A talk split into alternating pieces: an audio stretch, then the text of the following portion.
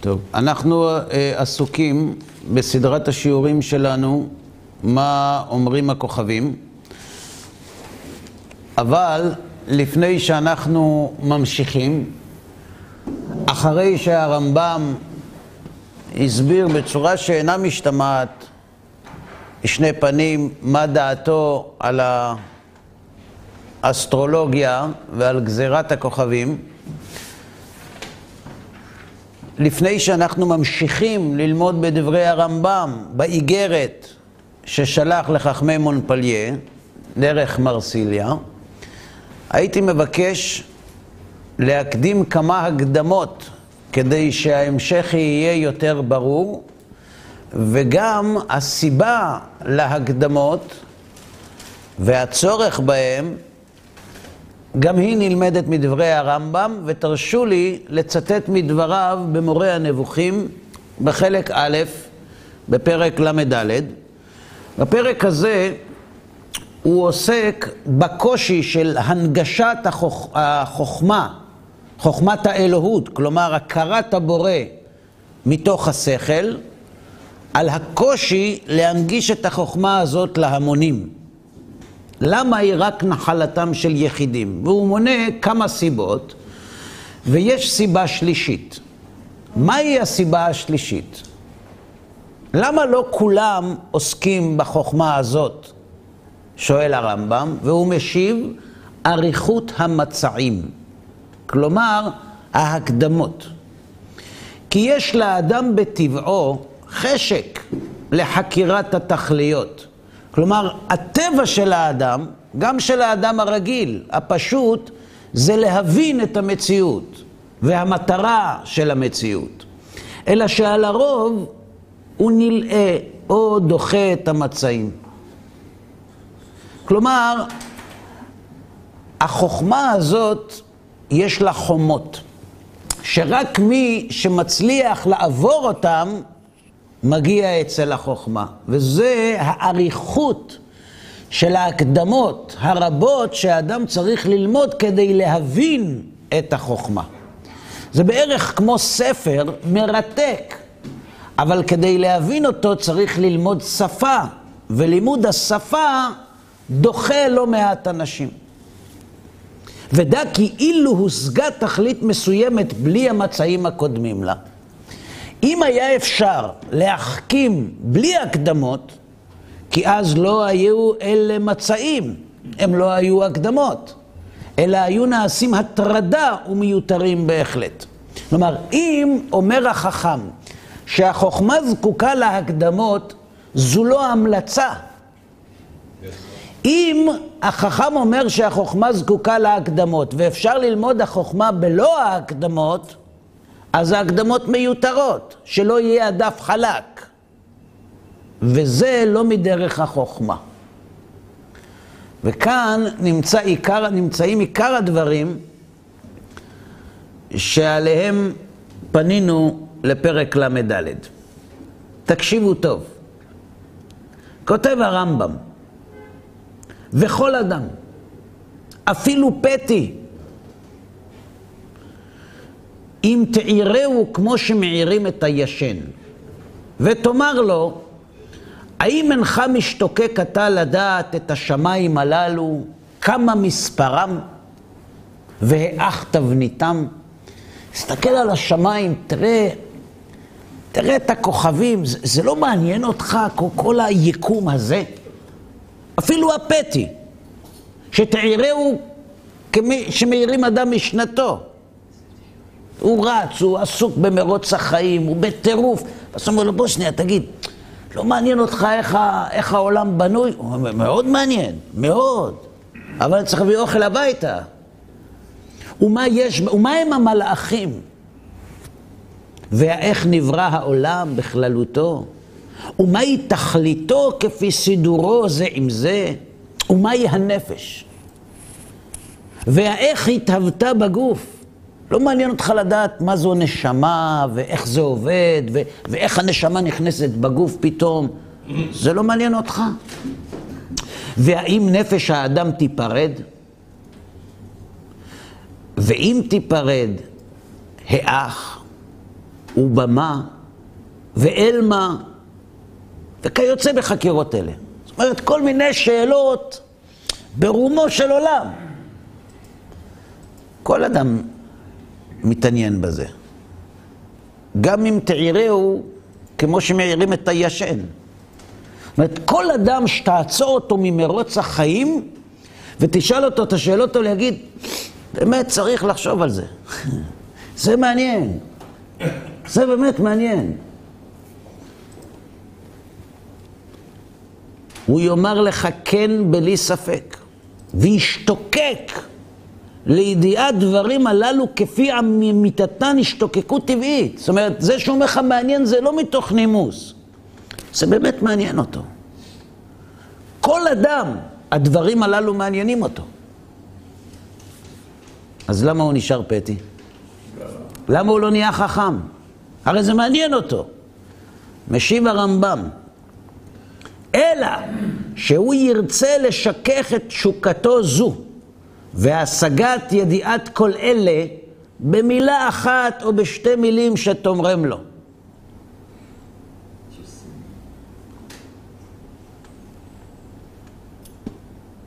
לפעמים אני מגיע להרצאה, הנושא, לא משנה מה. ואז תוך כדי, גם לא הרצאה, לפעמים מגיעים אליי אנשים, בחורים, אני אומר לו, תשמע, אפשר להוכיח את יסודות האמונה, אפשר, אפשר להוכיח אותם. אומר לי, מה, אתה, אתה באמת מתכוון שאפשר להוכיח ש, שיש בורא לעולם, שהתורה מן השמיים? אומר לו, כן. אז תוכיח. זאת אומרת, עד כאן אין הבדל בין הפתי לחכם. שניהם כשיושבים מולך ואתה אומר להם את הדברים, אומרים תוכיח. למה הם אומרים תוכיח? כי הם משתוקקים לידיעת דברים אלו השתוקקות טבעית. ואז מגיעה השאלה, אתה רוצה שאני אוכיח? כמה זמן יש לך? כל מה שצריך, מה, קח שעתיים. אני אומר לו, לא, זה, זה לא שעתיים, זה שלושה ימים. שלושה ימים. ארבעה ימים, תלוי, ב... תלוי בנסיבות. מה, ארבעה ימים? נו באמת. אה, אם זה ארבעה ימים, סימן שיש פה איזה קומבינה. דברים, אפשר להגיד מיד, יש לך מה להגיד, תגיד, מה אתה מתחיל לסובב אותי, לשטוף אותי? ואני אומר לו, זה נכון, זה באמת נשמע כאילו אני דוחה אותך, אבל אני רוצה לשאול אותך שאלה. כמה שנים אתה חי? 70? 80? יש לצפות. עכשיו תגיד לי, כמה שנים אתה עובד כדי שתוכל לחיות 11 שנים? כלומר, פנסיה. 40 שנה. זאת אומרת, אתה משקיע 40 שנה בשביל 11 שנים בסטטיסטיקה, כן? בהנחה שהכל בסדר. כן.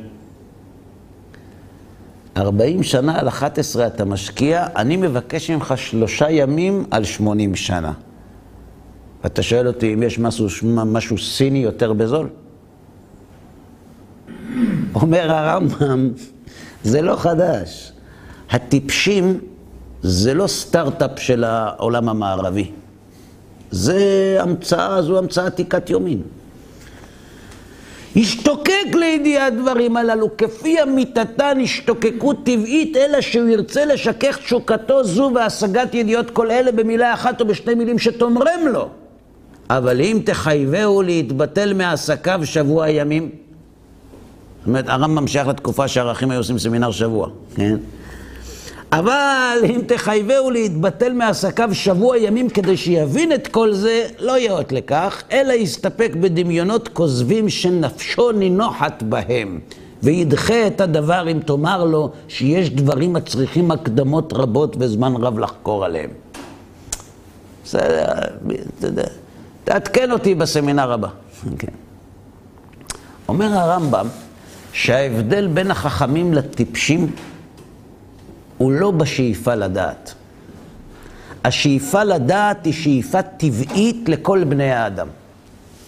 ההבדל הוא בהבנה שכדי להחכים צריך להקדים הקדמות. צריך לבחון יסודות לפני שבונים את כל התמונה כולה.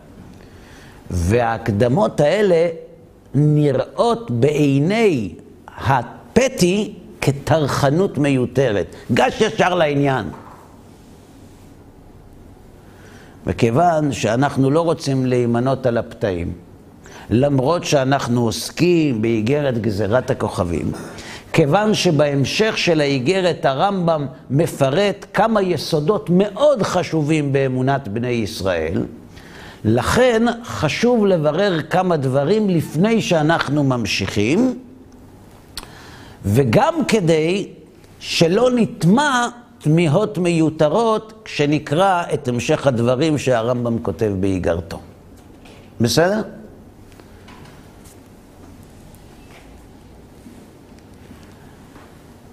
אפשר לקבל הרמב"ם, ספר המדע, הלכות יסודי התורה, חלק א'. חלק א'. כן.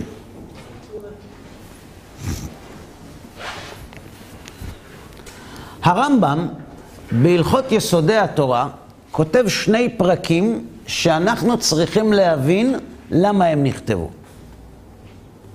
פרק אחד עוסק במציאות השם, והפרק השני עוסק באמיתות נבואת משה. תודה. כותב הרמב"ם בהלכות יסודי התורה בפרק א', יסוד היסודות ועמוד החוכמות לידה, שיש שם מצוי ראשון, והוא ממציא כל נמצא, וכל הנמצאים משמיים וארץ ומה שביניהם לא נמצאו אלא מאמיתת הימצאו. ועכשיו הוא ממשיך. והמצוי הזה הוא אלוהי העולם, אדון כל הארץ, הוא המנהיג הגלגל בכוח שאין לו קץ ותכלית, בכוח שאין לו הפסק, שהגלגל סובב תמיד, ואי אפשר שיסוב ולא מסבב, והוא ברוך הוא המסבב אותו ולא יד ולא גוף. וידיעת דבר זה, מצוות עשה, שנאמר, אנוכי השם אלוהיך. כלומר, יש מצווה לידע את השם, להוכיח בכלים שכליים את מציאות הבורא. האם המצווה הזאת ברורה? לא כולם מסכימים עם זה, אבל זו דעת הרמב"ם. בסדר?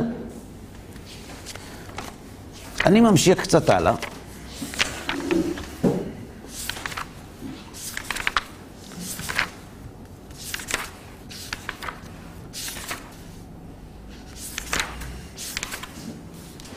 בפרק ח' מהלכות יסודי התורה, כותב הרמב"ם, משה רבנו לא האמינו בו ישראל מפני אותות ומופתים שעשה. האמונה של בני ישראל במשה רבנו זה לא בגלל הניסים. למה? שהמאמין על פי האותות, יש בליבו דופי. שאפשר שיעשה האות בלהט וכישוף. אלא כל האותות שעשה משה במדבר, לפי הצורך עשאם. צורך נקודתי. לא להביא ראייה על הנבואה. היה צריך להשקיע את המצרים, קרע את הים והצלילם בתוכו. צרכנו למזון, הוריד לנו את המן. צמאו, בקע להם האבן, כפרו בו עדת קורח, בלעה אותם הארץ, וכן שאר כל האותות. אין נס שמשה עשה במדבר כדי להוכיח משהו, אלא היה צורך בזה. ובמה האמינו בו? אז אוקיי, אז, אז מה, מה גרם להם להאמין למשה שהוא שליח אלוהי? אה, במה האמינו בו? במעמד הר סיני. שעינינו ראו ולא זר, ואוזנינו שמעו ולא אחר. האש והקולות והלפידים, והוא ניגש אל הערפל והכל מתדבר אליו. ואנו שומעים, משה, משה, לך אמור להם כך וכך. וכן הוא אומר, פנים בפנים דיבר השם עמכם. ונאמר, לא את אבותינו קראת השם את הברית הזאת. ומניין שמעמד הר סיני לבדו היא הראייה לנבואתו שהיא אמת שאין בה דופי. שנאמר, הנה אנוכי בא אליך באב הענן, בעבור ישמע העם בדברי עמך, וגם בך יאמינו לעולם. מדייק הרמב"ם מן המילה לעולם שבסוף הפסוק, מכלל שקודם דבר זה לא האמינו בו נאמנות שהיא עומדת לעולם, אלא על תנאי. אלא נאמנות שיש אחריה הרהור ומחשבה. לפי הרמב"ם, מה הייתה מטרת מעמד הר סיני? הוכחה שמה? שמשה הוא נביא אמת. מה זה נביא אמת? שהשם דיבר איתו. אז אם יש לנו הוכחה שהשם דיבר עם משה, בשביל מה צריך את הגלגל? אני חוזר לפרק הראשון. הרמב"ם כותב בפרק א', שיש מצווה לידע את השם. איך יודעים את השם? נו, כל הספר מורה נבוכים. הוכחות, מופתים שכליים. אלוה הזה אחד הוא ואינו שניים ולא יתר על שניים, שאין כייחודו אחד מן האחדים הנמצאים בעולם, לא אחד כמין שהוא כולל אחדים הרבה, ולא אחד שהוא גוף שהוא נחלק למחלקות וקצוות, אלא ייחוד שאין ייחוד אחר כמותו בעולם. והרמב"ם מוכיח פה במופתים שכליים את מציאות השם ואת היותו אינו גוף ואינו דמות הגוף ושאינו שניים. לא מבין. בשביל מה אתה צריך להוכיח את מציאות השם? היה מעמד הר סיני או לא היה? היה. יש הוכחה למציאות השם. המעמד הר סיני זה לא ידיעה, זה רק חוויה. כן, כי ידיעה, אז אני, עכשיו אני יכול לראות מים בבריכה, אבל אני לא חוויתי את הטבילה בהם. אז מעמד הר סיני, אתה אומר, זה... זה עניין של ההרגשה, של החוויה, אתה אומר. זה- הם חוו את זה, ואז הם האמינו באמת. זאת אומרת, זה היה בעניין של החוויה, אתה אומר. לא, הם ידעו, אבל לא הרגישו את זה. זה כמו שאתה מאמין למישהו שזה טעים, אבל אתה לא טעמת עד כדי כך שאתה תתאבל. את כשאתה. תואם, אתה יודע את מה אתה תואם? או רק מרגיש, ואתה לא יודע מה אתה תואם? אתה לא רואה את זה? רואה, אבל... רואה. כותב הרמב"ם, יותר חזק, זה יותר חזק כן, החוויה. אני מבין שאתה מבין שאנחנו מדברים על אנשים שהיו במדרגה של נבואה באותו זמן. האם אנחנו מסכימים על זה? ללא ספק. אז בואו נקרא מה כותב הרמב"ם.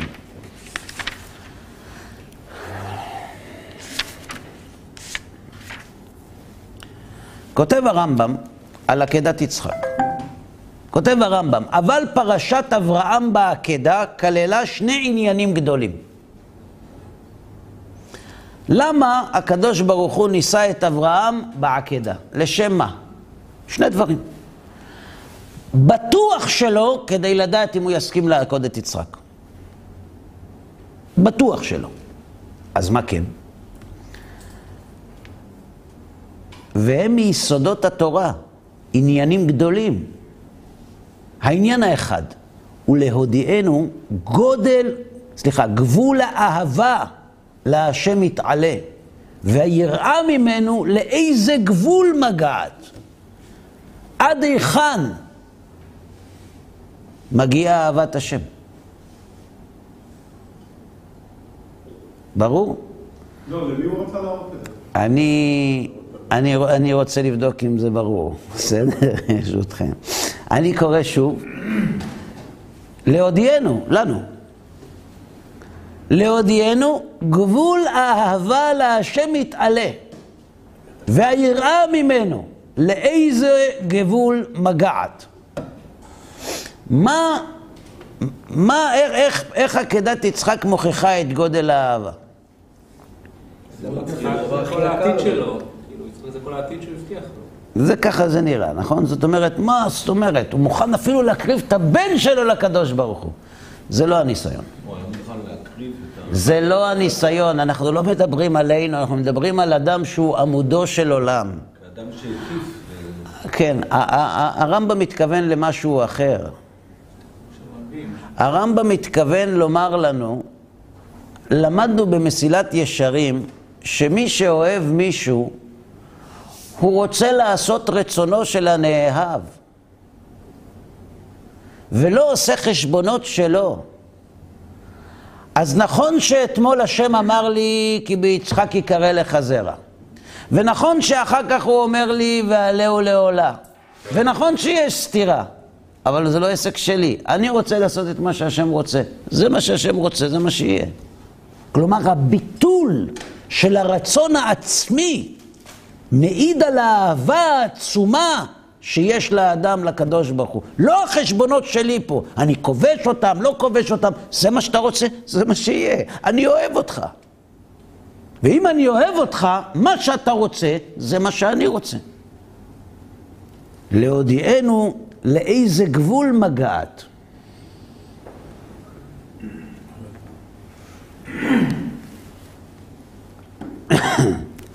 מה ההסבר?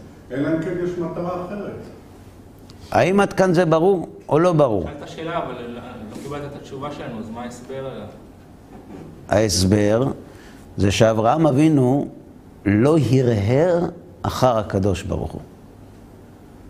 לא הקרבת הבן, הרחמנות של אב על בן, היא זו שמעידה על גודל האהבה. אלא הסתירה שבין גילוי שני הרצונות של השם יתברך. והוא לא שואל שאלות.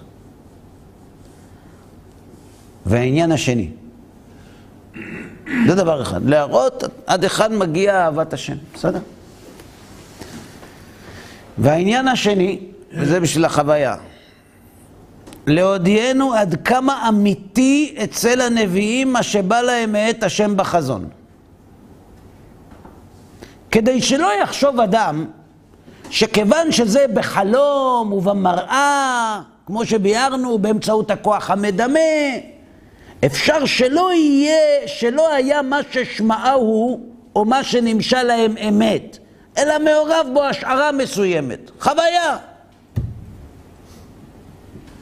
לפיכך רצה להשמיענו שכל מה שרואה הנביא במראה, הנבואה, אמת ונכון אצל הנביא, אין לו ספק בשום דבר ממנו כלל, ודינו כדין כל הדברים המציאותיים המושגים בחושים או בשכל. ברור הרמב"ם או לא ברור? כלומר, אם בני ישראל חוו נבואה במעמד הר סיני, זה לא פחות, לא מהחושים ולא מהשכל. אז בשביל מה צריך פרק על מציאות השם? זה ציווי גם. האם השאלה ברורה? כן, שאלה ברורה השאלה? בגלל ש... אה, לא, לא, לא תשובה. השאלה ברורה, מה השאלה? למה צריך, אם חוו נבואה, נו, למה צריך? מה הנבואה מוכיחה? מציאות השם. שיש בורא לעולם, כי עם מי הם דיברו? עם הקדוש ברוך הוא. מצוין. עכשיו, מה השאלה? למה צריך כן, להוכיח מציאות הבורא? נכון, אם כך, נכון, מצוין, זו השאלה. מה התשובה? מי חווה הם חוו? לא אנחנו. לדורות שלא חי. יש, אתה לא צריך לחוות. אתה לא צריך לחוות. ברגע שיש לך עדות מהימנה, אתה לא צריך להיות במקום הפשע. לא צריך את זה. כן, בבקשה. יש ציווי, זאת אומרת, זה מה הציווי? וידעת את השם. אז ת, איך תדע את השם? תוכיח את מעמד הר סיני. למה צריך לעסוק בפילוסופיה? במדעי הטבע. לפי הרמב"ם. למה? אפשר לדעת את השם גם בלי זה. להגיע לאהבת השם, טוב, אז זה כותב הרמב"ם. אם אתה רוצה להגיע לאהבת השם, אחי, הדרך לאהבתו זה כבר פרק שני.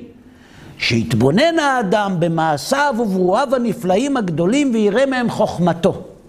בסדר גמור. אתה רוצה להגיע לאהבת השם, תלמד מדעי הטבע, תתבונן בבריאה. אבל מי שמתבונן בבריאה בלי הבסיס של מציאות השם, הוא נהיה פרופסור, לא מאמין. אולי... לכן קודם כל תדע שיש בורא, אחרי שיש בורא, כשתסתכל ביצירה העולמית, תתפעל ממנה כל כך, תגיע לאהבת השם. עכשיו, איך הרמב"ם מוכיח את מציאות השם? במופתים שכליים. למה? למה אתה לא תלך פרק ח' ישר? אולי יש הבדל שם. כי רק על ידי השכל אפשר להוכיח מציאותו, זאת אומרת, זה- זה ההבדל. אבל לפני רגע אמרנו שאפשר להוכיח את מציאות השם ממעמד הר סיני. זה גם כן שימוש, זה גם כן? זה גם שימוש בשכל. נו, זה עוד יותר טוב. אז עוד יותר טוב. הרב, אבל צריך מעמד הר סיני? הרי הם ראו כל הזמן את הענן. מה- אה? עננים זה עניין של מטאורולוגיה. אפשר להסביר. אפשר להסביר את זה בדרך הטבע. אפשר להסביר את זה בדרך הטבע. ערפילים, ערפילים. מה? ראו את הענן 40 שנה, ראו את. כן, היה עניין, כן, זה היה עניין של, של תקופה מסוימת, ש, של טמפרטורות מסוימות, של אה, עם 600 אלף איש הולך במדבר, מייצר אבק, יש הרבה הסברים. היו חרטומים אחרים שגם עשו ניסים. אה? גם היו חרטומים אחרים שעשו ניסים, בוודאי. ניסים, ניסים, יהודים לא מתרגשים מניסים. בכלל. מה שאתה שואל, לכן הם לא נהיו נוצרים. כן, כן. אולי זה בעצם הכותרת והפרטים. כלומר, את מציאות הבורא הוכיח במעמד הר סיני כמובן. יפה. אבל הוא נותן להם את הפרטים. איזה פרטים? שהוא יחיד, זה אחד. זה כתוב. בתורה. להראות להם גם את כל שאר הדברים שנובעים מזה, ממציאות הבורא. אני רוצה לשאול אתכם שאלה. אתם רוצים לתרץ תירוץ, זה בסדר גמור. אם, אם, אם, הלכה נקבל, אם לדין יש תשובה, זאת אומרת, אם אתם רוצים להגיד תשובה, זה טוב, זה בסדר גמור. זה להתערב בשיעור זה חשוב מאוד. אבל אם אתם רוצים לענות על השאלה, זה לא עונה על השאלה. ואני אסביר גם למה. אני בא לבית משפט עם מסמך. אני מעוניין להוכיח שהמסמך אותנטי, אמיתי. אם הוכחתי שהמסמך אמיתי, לא צריך יותר להוכיח כלום. כל מה שכתוב בו צריך לקיים. אלא אם כן אתה רוצה לענג אותנו. עכשיו, אם אני מוכיח שהמסמך אמיתי, ובתורה כתוב שהשם הוא אחד, ושאינו גוף, ושאינו דמות הגוף, אז נגמר הסיפור. בשביל מה צריך להוכיח את כל הדברים האלה? לא צריך. לא צריך. סתם הרמב"ם כתב. לא, אה. שיהיה לנו, כמו, ריח יפה של פרחים, שנתענג, שנ- שנהנה מה, כן. מהתורה, ולא רק נקבל אותה כעובדה נכונה ומשפטית גרידא קרה. יכול להיות, בשביל האווירה, אתה אומר. שיהיה, כן, שיהיה נעים, שיהיה כיף. מה, רצה הקדוש ברוך הוא להיטיב עם ישראל. נכון, כולם להיטיב עם כולם, לא רק עם ישראל. כן, לזכות את ישראל, אבל להיטיב עם כולם. אולי בגלל שזה לא באמת. באמת לא צריך. לא צריך. כי- כי מצווה ידיעה, כי הבעיה היא שרבנו בחיי אומר שלא רק שצריך, זה מצווה. מצווה זה בסדר. ורבנו בחיי ידע שאפשר להוכיח את אמיתות התורה. נראה לי שגם הרמב"ם ידע, ולמרות זאת הוא אומר שזו מצווה. מצווה זה בסדר. אני רוצה לדעת למה. לזכות אותנו, ללמוד. לזכות זה לא מצווה, זה המלצה. רצוי. רצוי. חוץ מזה, אבל אתה שאלת שאלה מדעית. האם מספיק או לא מספיק ללמוד? התשובה היא מספיק. ודאי שמספיק. אם מספיק, לא צריך הקדמות. לא צריך, אז זה לא... הרמב"ם עצמו אמר שהקדמות, אם הן לא נצרכות, הן טרחנות. אז הפרק הראשון של הרמב"ם, הוא לא נצרך, אני לא מבין. טוב, כן בבקשה, רציתם לענות משהו? כן בבקשה. אולי זה הנקודה, הרמב"ם והרמב"ם, אולי זה הנקודה, יש מיש ויש מאין. זאת אומרת, יכולת להגיד שהקדוש ברוך הוא ברא את העולם טוב בשביל מציאות, ברא ועזב, איננו. אתה אומר, האם העולם נברא יש מיש או יש מאין? כאילו, כמו כמו שהרמב"ם אה, אומר בספר שלו, לא... ברור לי לחלוטין שהרמב"ם לא מתכוון לזה בשני הפרקים האלה מסיבה פשוטה, כי הרמב"ם כותב במורה נבוכים שאין הכרעה מופתית, שכלית, לשאלה אם העולם קדמון או נברא. ושהסיבה היחידה שאנחנו מאמינים שהעולם נברא, כי זה כתוב בתורה, ולא רק בגלל שזה כתוב בתורה, כי אם היה הוכחה שהעולם קדמון, היינו מפרשים את פרשת הבריאה לפי אריסטו, אלא כיוון שקדמות העולם מכחישה את הניסים, ואת התורה, ולכן אנחנו מחזיקים באמונת הבריאה. זאת אומרת, אין הכרעה. אם אין הכרעה לגבי בריאה או קדמות, אין שום קשר בין שני הפרקים האלה לשאלה הזאת. הרמב"ם לא מקבל את זה. הרב מחילה, אפשר לחדד את לא מקבל את זה הרמב"ם. הרמב"ם אומר שזה דעת המותקלה מן המוסלמים. חכמי המדברים. אתה מדבר שהרמב"ם כותב שהזכלים חושבים שזה כמו אומן שיצא, לקח חומר ועשה כלי ולא צריך אותו יותר. צריך, בטח צריך. אתה מחיה את כולם. השאלה, איך התהליך? הרמב"ם אומר שהתהליך הוא על ידי כוחות הטבע שהקדוש ברוך הוא מנהיג. אבל זה לא שאין חוקים וכל שנייה בוראים את העולם. הבדל עצום. כן? למה אחרון? אולי אולי. כל מה שהרמב"ם אומר וללמד אותו, זה כמו שהסברת, שזה כמו שפה שצריך לדעת אותה כדי להבין ולקבל את ה... איך אמרת? את החוזה החתום הזה של מעמד הר סיני. אני אשאל אותך שאלה. אם אני יכול, אתה קורא עברית, נכון? השלט פה בעברית. אז אני אומר, אני כותב אותו גם באנגלית, אתה לא יודע אנגלית, אז תלמד כדי שתוכל לקרוא אותו גם באנגלית. אני לא צריך לקרוא אותו באנגלית, אני יודע עברית. מיותר. זה מיותר. אולי אני לא יודע אנגלית, אבל אני לא יודע עברית. אתם, אתם לא הולכים בכיוון. אולי כי אבל צריך אפשר להוכיח. לחדד- טוב. אפשר לחדד מה זה לידה שיש שם מצוי ראשון, מה המצווה הזאת בעצם אומרת? שיש בורא שהוא מחויב המציאות, שאין אפשרות למציאות בלעדיו. בסדר? אולי הוא רוצה לומר ש... שבעצם, הרי צריך גם להראות שמה שכתוב בתורה גם נכון בדרך הטבע. זאת אומרת, שיש קשר ישר בין התנהגות הטבע למה שכתוב בתורה. אז הוא בא מראה גם בצד ההוכחה השכלית באמת שעות שיש. וגם- אם זה נכון, אז למה אי אפשר להוכיח שהעולם נברא? שהרי בתורה כתוב שהעולם נברא וצריך למצוא את זה גם בטבע ולא מוצאים את זה. מה שיש בטבע נמצא בתורה, לא בהכרח מה שבתורה אתה רואה בטבע. בסדר. עדיין לא מספיק. אולי בגלל המוגבלות של המוח האנושי. לי יש הצעה. אולי כדאי ללמוד.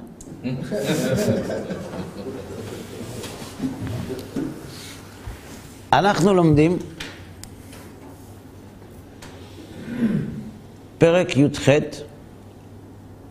בספר העיקרים. מי כתב את ספר העיקרים? רבי יוסף אלבו, עליו השלום, שהוא למעשה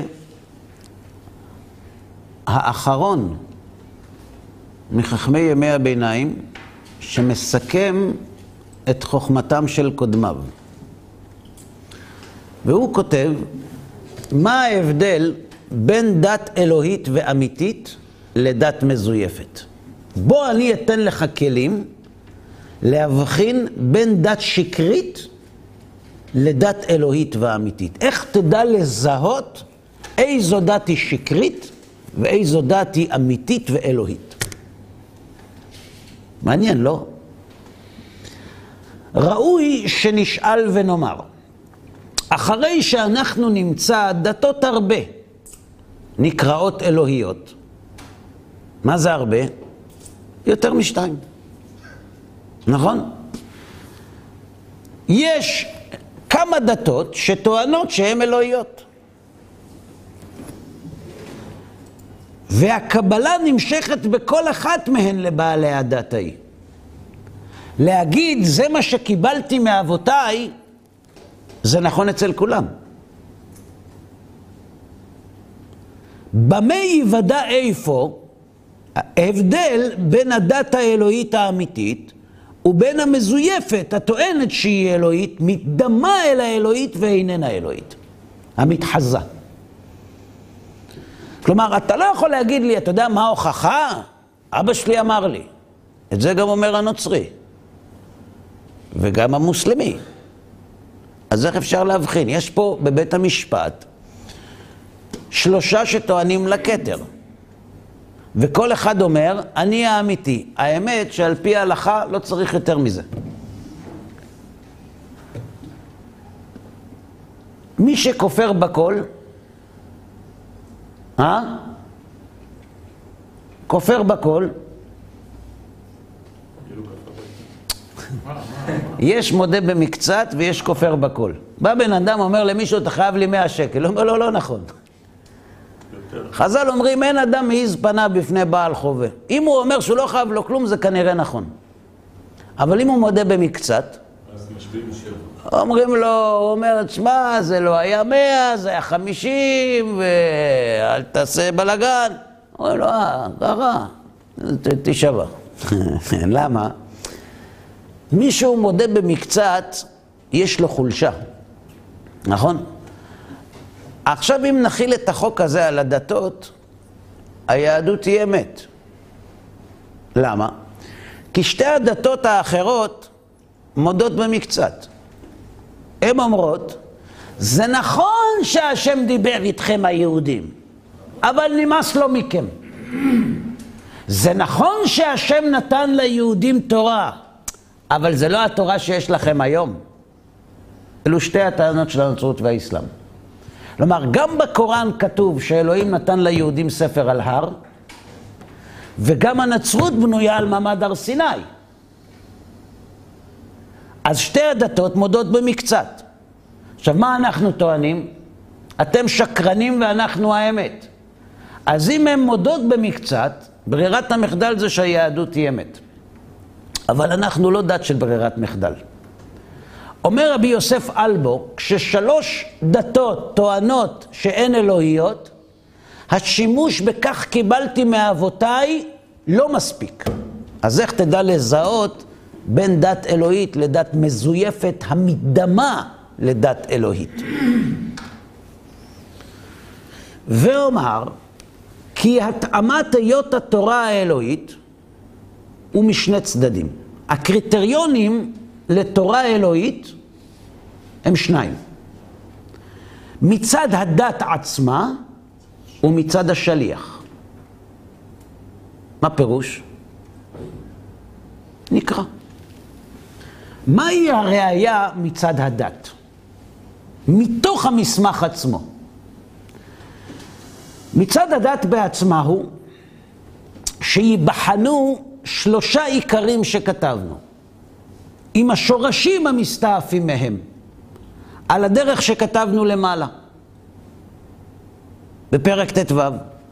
ואם אינה חולקת על שום עיקר מהעיקרים ולא על שורש מן השורשים היוצאים מהם או הנתלים בהם, הנה היא אלוהית. ואם לא, היא מזויפת ומדמה לאלוהית. כלומר, הוא אומר ככה, יש לנו כמה יסודות, כמה עיקרים שבלעדיהם אי אפשר שתהיה תורה מן השמיים.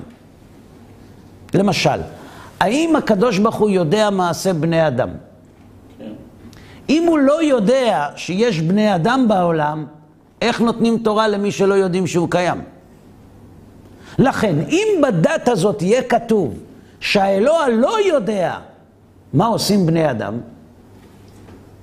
ולמרות זאת הוא נתן להם תורה, היא דת שקרית שהשקר מוכח מתוכה. זה ברור מה שאמרתי? תנאי שני. מה יקרה אם יהיה כתוב בדת המזויפת הזאת שאלוהים לא מדבר עם בני אדם? יכול להיות שהמסמך אמיתי? אם אלוהים לא מדבר עם בני אדם, איך הגיעה לך התורה? אולי הוא לא דיבר איתו, הוא מסר את המצב זה עם הזה. הנביאים שלהם. דיבר הכוונה, בא במגע עם בני אדם, מתקשר עם בני אדם. בלתי אפשרי. דבר שלישי,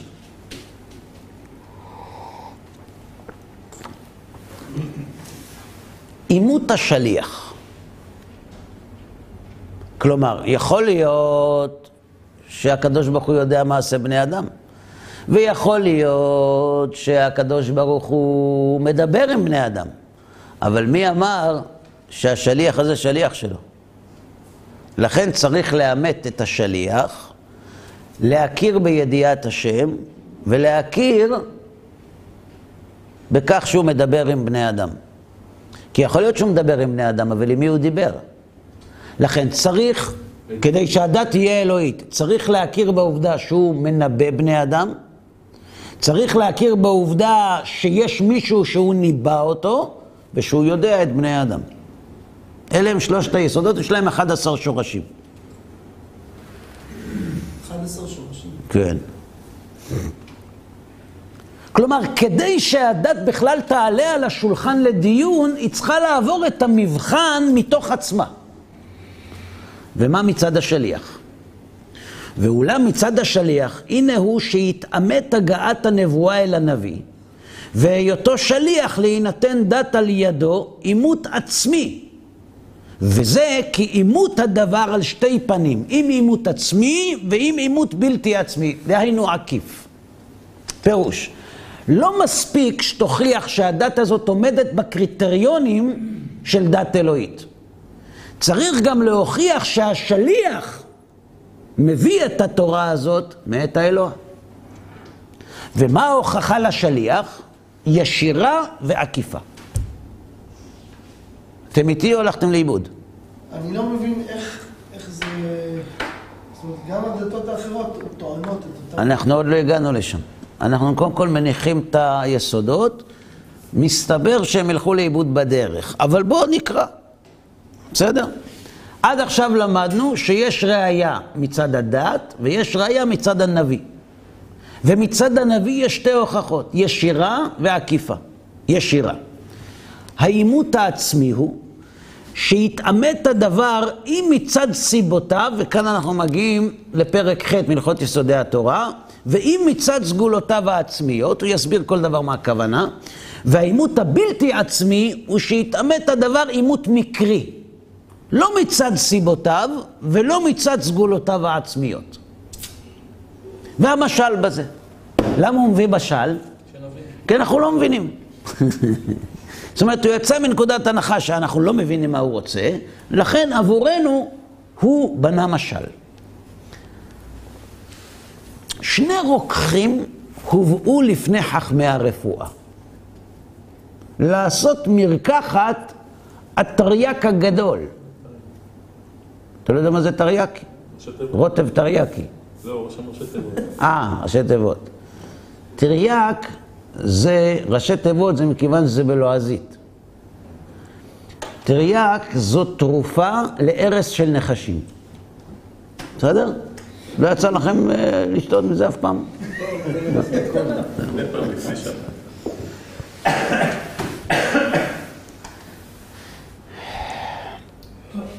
ואמר האחד שהוא ירקח הטריאק ריקוח יפה. הוא ספציאליסט לטריאק. מציל מכל סמי המוות, החמים והקרים וכל מיני הארסים. האנטיביוטיקה של ההרס. בראיה, איך הוא יוכיח להם את זה? שהוא יראה לפניהם בשר האפעה וכל הסמים הראויים להיכנס בטריאק, וינסה סגולות כל הסמים הפשוטים וכוחותיהם אחד לאחד לפניהם. הוא יראה להם בדיוק איך הוא עושה את זה. ועשה כן, שניסה לפניהם כל הסמים, והוכרו כולם שאין בהם חשש זיוף. בקיצור, הוא הראה להם את כל החומרים, את הפורמולה. אין פה כתוב אה, מחמישה אחוז ומעלה. הראה להם כל מה שהכניס בפנים. כי אין ספק שהטריאק שנעשה על זה הדרך, אין בו חשש זיוף. אחרי שנתן הרוקח ההוא עימות עצמי אליו. בסדר עד פה? או לא בסדר? הוא ישב מול הרופאים, רופאים יודעים מה זה הטריאק, והוא הראה להם איך הוא מכין אותו. מול העיניים שלהם. יש מישהו שיחשוב שמדובר בזיוף? הביא את כל החומרים, זה החומר הזה, זה, זה, זה, זה, הכל ברור, הנה ערבבתי, הנה זה. בסדר עד פה? וכן אם יאמר שהטריה כאשר יעשה הוא טוב, איך הוא יוכיח שהוא טוב? לא כי הוא הראה להם את החומרים. בראיה שהוא ירפא את כל החולים. מכל מיני התחלואים וסמי המוות, שראוי לרפות בתרי"ק, ועשה כן. שאין ספק גם כן שהעימות הזה טוב. אחר שאימת היות התרי"ק אמיתי מצד סגולותיו העצמיות. עכשיו אני חוזר חזרה.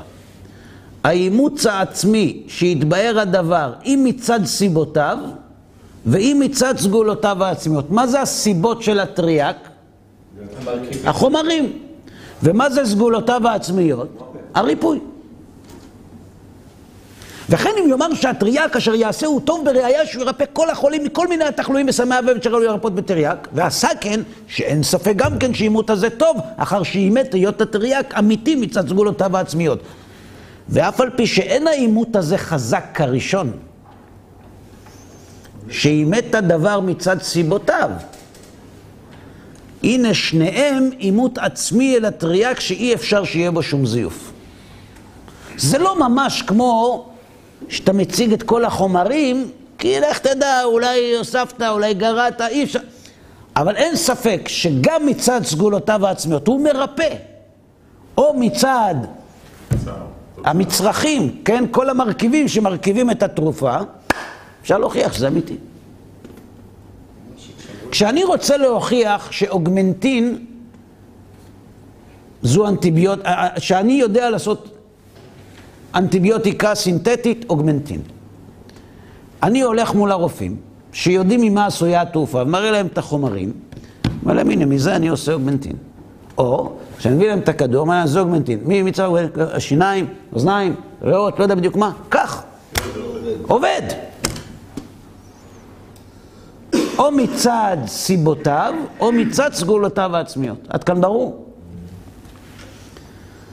והרוקח השני, זה אחד, יש עוד רוקח.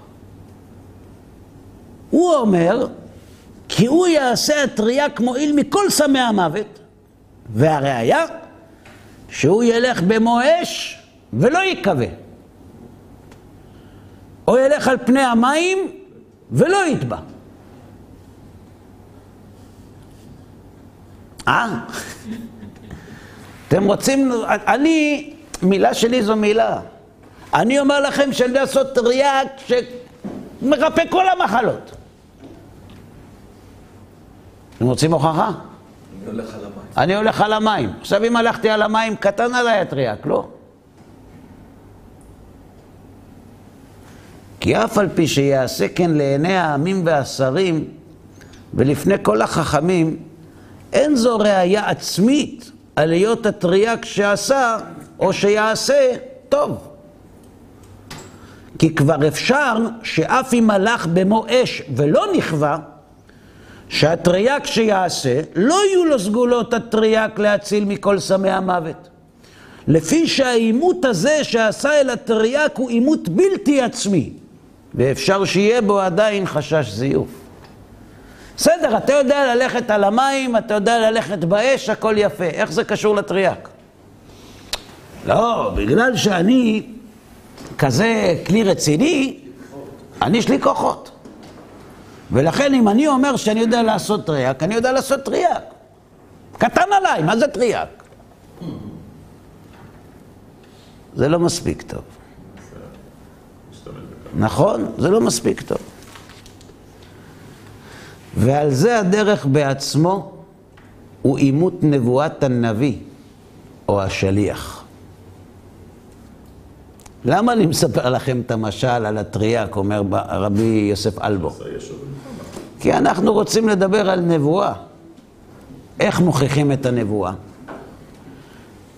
כי הנביא שייתן אות על היותו נביא בראיה שהוא ילך על פני המים. או שיבקע הנהר לעבור בו, או שילך במו אש ולא ייכווה, או שירפא חולים או המצורעים, או במילה אחת, או שהוא ישו.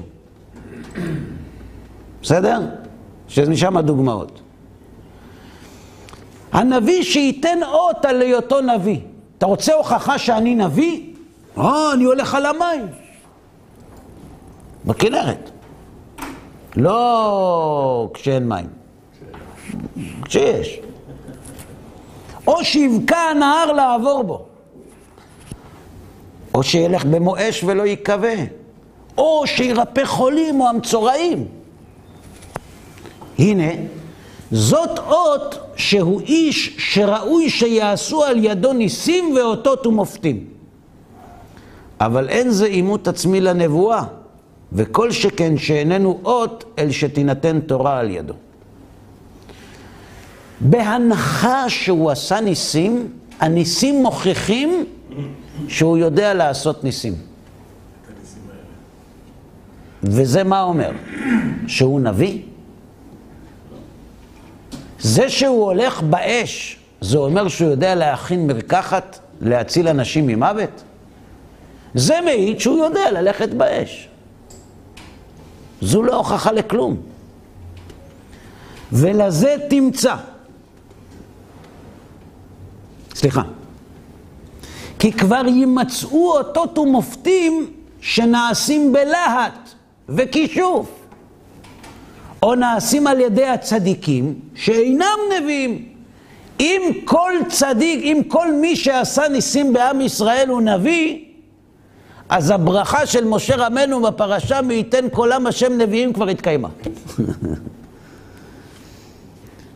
כמו שנזכר בבבא מציע, בדף נ"ט, בתנור של אחנאי, בעניין מחלוקתו של רב לזר, שנעקר החרוב ממקומו וחזר רמת המים לאחוריו וזולת זה. הוא הולך לפי השיטה שזה קרה באמת.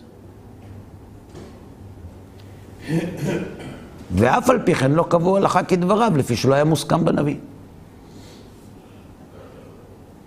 ניסים זה לא הוכחה לכלום. ניסים זה הוכחה או שאתה מכשף או שאתה צדיק. ואז מה? ואם אתה צדיק, מכשף עזוב, ואם אתה צדיק, אז אתה נביא? בטח שלא הוכחה שתינתן תורה על ידך. ולזה תמצא כי כל האותות והמופתים שעשה משה קודם מתן תורה, היו אותות שראוי שיעשו על ידו אותות ומופתים בלבד, לא לקבל תורה על ידו. והדבר הזה בלבד היה אמנת ישראל בו, ועל כן היו מתנהגים על פיו בהיותם מאמינים שהשם שומע צעקתו. הוא מקיים דבריו, כמו שעשה משה במראה, ויורהו השם עץ, וכן במלחמת עמלק, והוריד המן בתפילתו, ובקע הים בצעקתו. ועל זה ועל כיוצא בו נאמר בבקיעת ים סוף, ויאמינו בה השם ובמשה עבדו. מה הכוונה? שהאמינו שהיה עבד השם, שיעשה השם על ידו אותות ומופתים, ככל אשר חפץ יגזור, עומר ויקום לו. מה ההוכחה של קריאת ים סוף? שהשם אוהב את משה, שמשה רבנו יודע להתפלל טוב, זה הוכחה שהוא נביא? זה הוכחה שהשם מדבר איתו? מה פתאום? כמו שנמצא זה על ידי הצדיקים, שהשם יעשה על ידם אותות ומופתים, אף על פי שאינם נביאים, כרבי פנחס בן יאיר, שבקע הנהר שלוש פעמים, לפי מה שמסופר ממנו בחולין. וכרבי חנינא בן דוסה, מסכת תענית, וחוני המעגל, גם מסכת תענית. וכנקדימון בן גוריון, שנגדה לוחמה בעבורו. כחנניה, מישאל ועזריה, שניצלו מכבשן האש. כותב רבי יוסף אלבו, ניסים הם לא הוכחה לנבואה. ניסים הם הוכחה לניסים. עכשיו, מי יכול לעשות ניסים? שני אנשים. או צדיקים או מכשפים. אם הוא עושה את זה בכישוף, אז הוא חייב מיתה. ואם הוא צדיק, אז זו הוכחה שהוא צדיק. זה לא הוכחה שהוא נביא. ולכן, הנה הרמב"ם.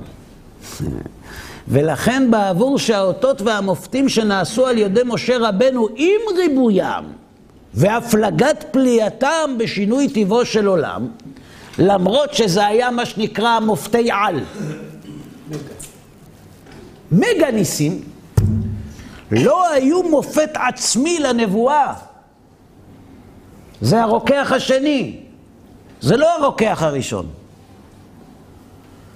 והיו ישראל מסופקים עדיין במציאות הנבואה.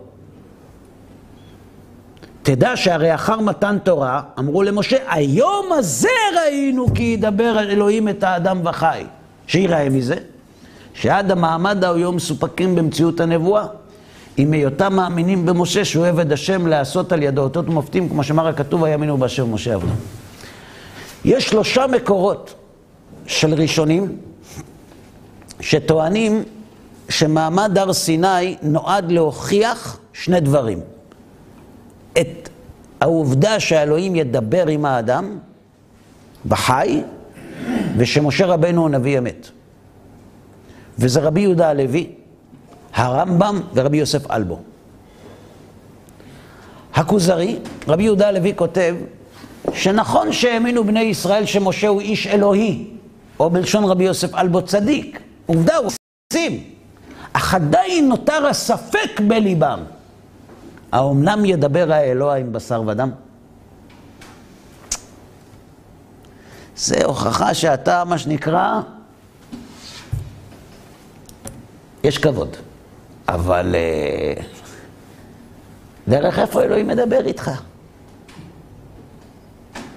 בטלפון, דרך השכל, דרך הלב, איך, איך פה, איך זה עובד העסק הזה?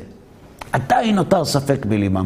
אומר רבי יוסף אלבו, היו ישראל מסופקים עדיין במציאות הנבואה. ומאיפה הוא מביא פסוק?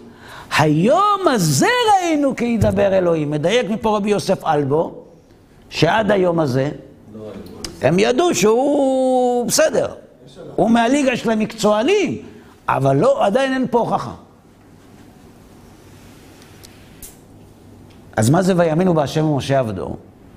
שהוא עבד עבד.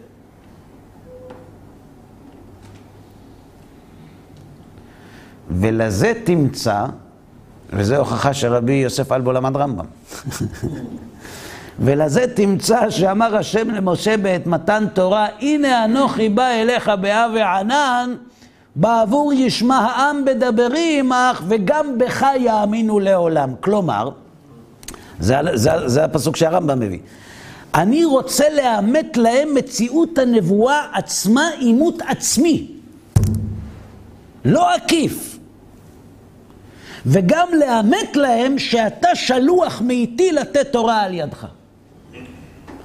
וזה כשהם עצמם ישיגו למעלת הנבואה, ובזה יתעמת להם מציאות הנבואה עצמה, ועוד שישמעו אותי מדבר עמך. מה הייתה הנבואה שבני ישראל שמעו? משה, משה, לך אמור להם כך וכך. אז אם הם שומעים את הנבואה, משה, משה, לך אמור להם כך וכך, הם הרוויחו שני דברים. א', שהם מרגישים ויודעים שיש נבואה, ב', שמשה הוא שליח. שישמעו אותי מדבר עמך כשאני רוצה לתת תורה על ידך, וזהו עימות עצמי לנבואה ולשליחות השליח. ולזה אי אפשר שיישאר אחר אותו המעמד הנכבד שום ספק ולא שום חשש זיוף. אחר שנתעמתו במעמד ההוא שני דברים שהם הכרחיים לאמת מציאות תורה מן השמיים, הנבואה והשליחות. האם עד כאן זה ברור? כן, בבקשה. אבל הספק נשאר, עובדה אחר כך בכניסה לארץ הם הטילו ספק. אבל לא ממש לא. איפה הטילו ספק? אמרו למה הוצאת אותנו ממצרים? היה לנו שם טוב או שהיינו מתים במדבר? אה, זאת אומרת, זה שהם אמרו למשה רבנו, נמאס לנו, היינו רוצים לחזור למצרים. רוצים אמריקה. זה עדיין, זה אומר, ש, זה אומר שלא היה מעמד הר סיני? היה להם ספק במעמד הר סיני? לא ממש עזר. זה שזה לא עזר זה עניין אחר, אבל זה לא עזר לתאווה, לא לשכל. לא היה מישהו שאמר בשכל, אין נבואה, אתה לא נביא. גם אנחנו, אמר קורח. כל העדה, כולם קדושים. הוא לא אמר, לא, אתם לא נביאים. הוא אמר, כולנו נביאים, וזה היה נכון, כי כולם היו נביאים. אבל כל הרעיון הזה, השכנע של משה הוא הנביא, הוא כדי שהם ילכו בעקבותיו. נכון. לא הם? לא הם, כל עם ישראל. כל עם ישראל. אבל ברגע שהם מתחילים להטיל ספק, הם לא מטילים ספק. הם לא מטילים ספק. קשה לנו עם האמת הזאת.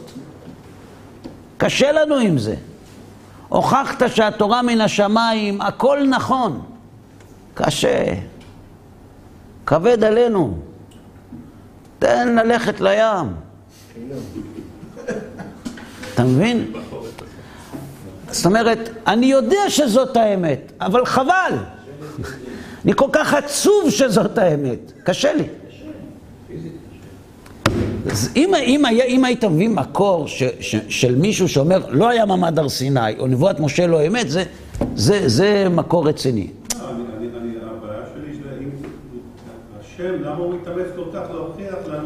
אני, אתן לך דוגמה. אוקיי, שלומי, אני אתן לך דוגמה. פרשת שלח. שלח לך אנשים ויתורו את ארץ. אני שואל אותך שאלה, אם הקדוש ברוך הוא אומר שהארץ היא זבת חלב ודבש, מי צריך מרגלים? זה מתכון לצרות. מי צריך מרגלים? כן, בשביל מה צריך את זה? מה, אתה לא סומך על הקדוש ברוך הוא? אז על מי אתה סומך? השם אומר לך, אני מביא לך, אני מוריש את הכנעני, אני... הכל בסדר. עכשיו, זה לא שזה הבטחה על הקרח, כבר יש תקדימים. כותב הנציב מוולוז'ין, עליו השלום, בעמק דבר, למה בכלל משה רבנו רצה לשלוח מרגלים? כי משה רבנו הכיר את בני ישראל. וכדי שהם יכבשו את הארץ בצורה ניסית, הם צריכים להיות במדרגה מאוד גבוהה. שיהיו כדאים שיעשה להם נס. ומשה רבנו הכיר את עם ישראל, והוא ידע שכנראה הם לא יהיו במדרגה הזאת. ואם הם לא יהיו במדרגה הזאת, לא יעשו להם ניסים, הם יצטרכו לכבוש את הארץ. עכשיו, אם צריך לכבוש את הארץ, אז צריך לעשות את זה בדרך הטבע. אז צריך לשלוח מרגלים. והקדוש ברוך הוא הסכים איתו, עם העיקרון. באמת לא מגיע להם שיעשה להם נס. ולכן שלח לך אנשים. עכשיו, הבחירה שלהם הייתה איך לראות את הארץ. בסדר, הלכנו, עשינו את ההשתדלות, אבל השם הבטיח שהיא ארץ טובה, למה אתה מוציא עליה לשון הרע? ברור. אבל כל הניסים שהוא עשה להם הם היו לא בדרגה גבוהה, כל הניסים לאורך כל הדרך. נכון. אז הם יכולים להבין שגם במצב שכל הזמן מבטיח לקחת אותם עד ארץ ישראל, אז זה בסדר. נכון, אבל עדיין, כנראה שמשה רבנו הבין שהם לא זכאים לכך. אחרת זה לא מובן. כאילו מה, הקדוש ברוך הוא, כל מה שעשה, אישר להם תארים במדבר והכל, זהו, זאת אומרת, לכבוש את הארץ או לכבוש את הארץ, זאת אומרת, שלח לך אנשים. עד היום אנחנו משלמים על זה.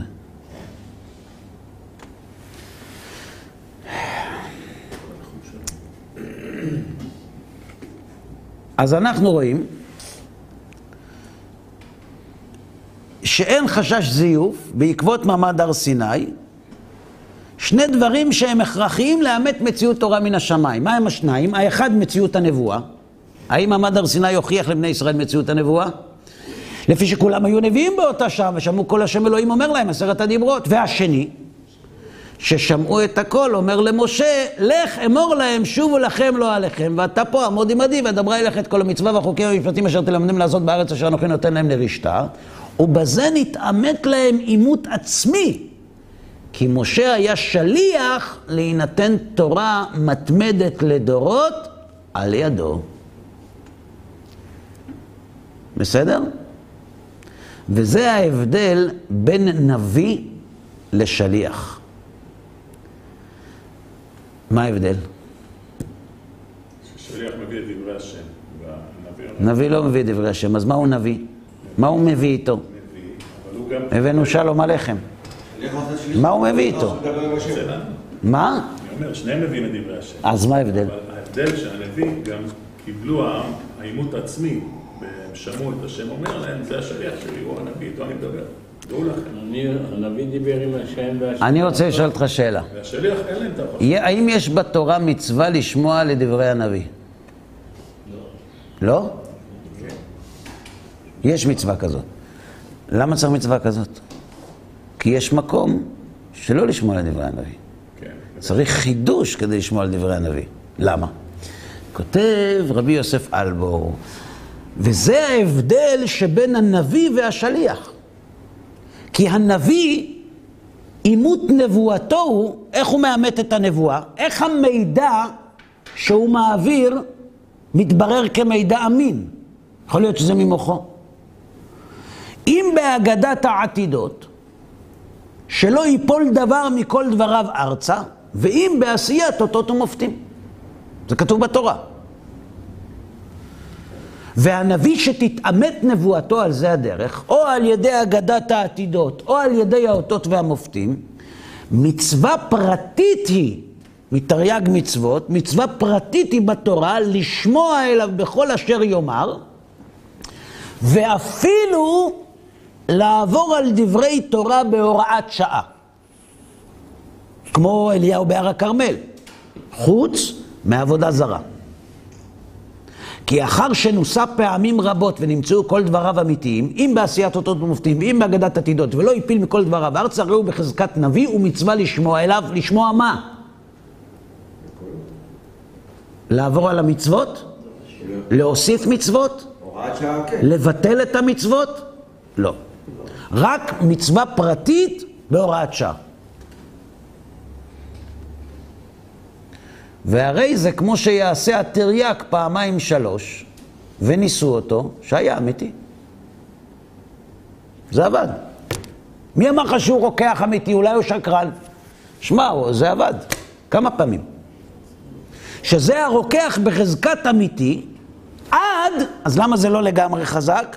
עד שינוסה פעם אחרת ויימצא מזויף. זאת אומרת, הנאמנות של הנביא היא תמיד על תנאי, עד שיוכח אחרת. וכן הנביא המגיד העתידות, או העושה אות ומופת על נבואתו, מצווה לשמוע אליו כל אות שלא יימצא שקר בדבריו. שאמר הכתוב, אשר ידבר הנביא בשם השם ולא יהיה הדבר ולא יבוא, הוא הדבר אשר לא דברו השם. כי כבר אפשר שהנביא יהיה נביא אמת, ויכזב בשוב פעם בבחירת עצמו ולא מצד הנבואה. יכול להיות שהאדם היה נביא אמת, ויום אחד קרה מה שקרה, והוא אמר נבואה שהוא לא קיבל. מה שלא נתנבא. כמו שקרה לחנניה בן עזור, שהיה נביא אמת, כמו שאמרו רבותינו במסכת סנהדרין, וטעה וכיזב בשבירת תמותה מעל צוואר ירמיהו ולזה נענש. אמר מעצמו, הוסיף מעצמו, על הנבואה. כמו שאמר לו ירמיה, לא שלחך השם. ואתה הבטחת את העם הזה על שקר. השנה אתה מת, כי שרה דיברת על השם. הוא הוסיף על דברי ירמיהו.